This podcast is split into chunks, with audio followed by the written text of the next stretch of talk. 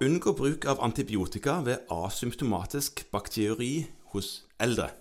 Dette er det geriaterne som eh, minner oss om. Dette har geriaterne spilt inn, ja, og Ja. da er et litt vrient ord der som vi kanskje ikke allemannseie for alle som hører på. Nei. Det er den bakteriuri... Men Nei, jeg klarer ikke å si det engang. Bakteriuri. Ja, sant. Ja. ja.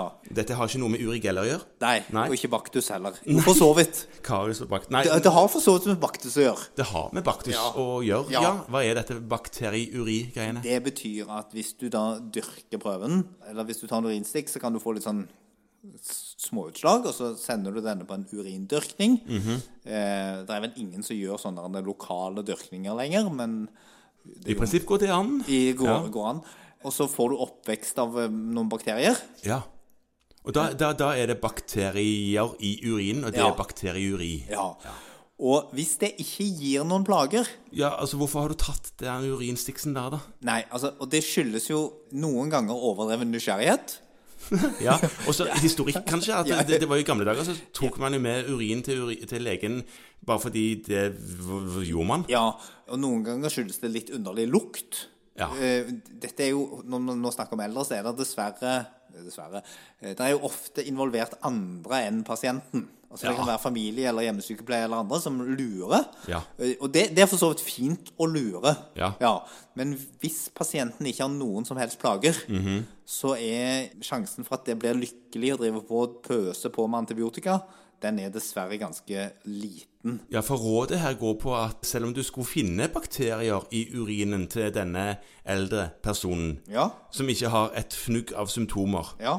så skal du faktisk ikke behandle det. Nei, for det har vist seg at det er det en del som har.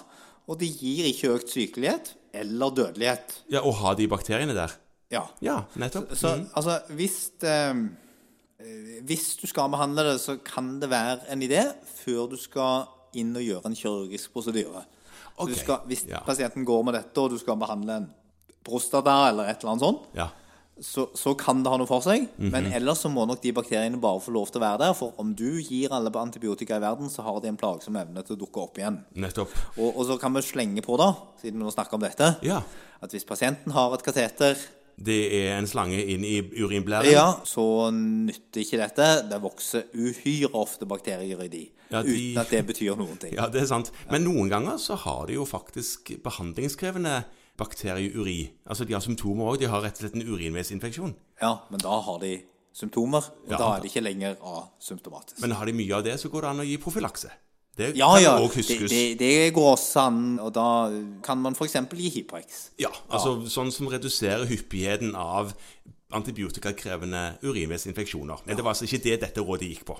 Nei, Nei.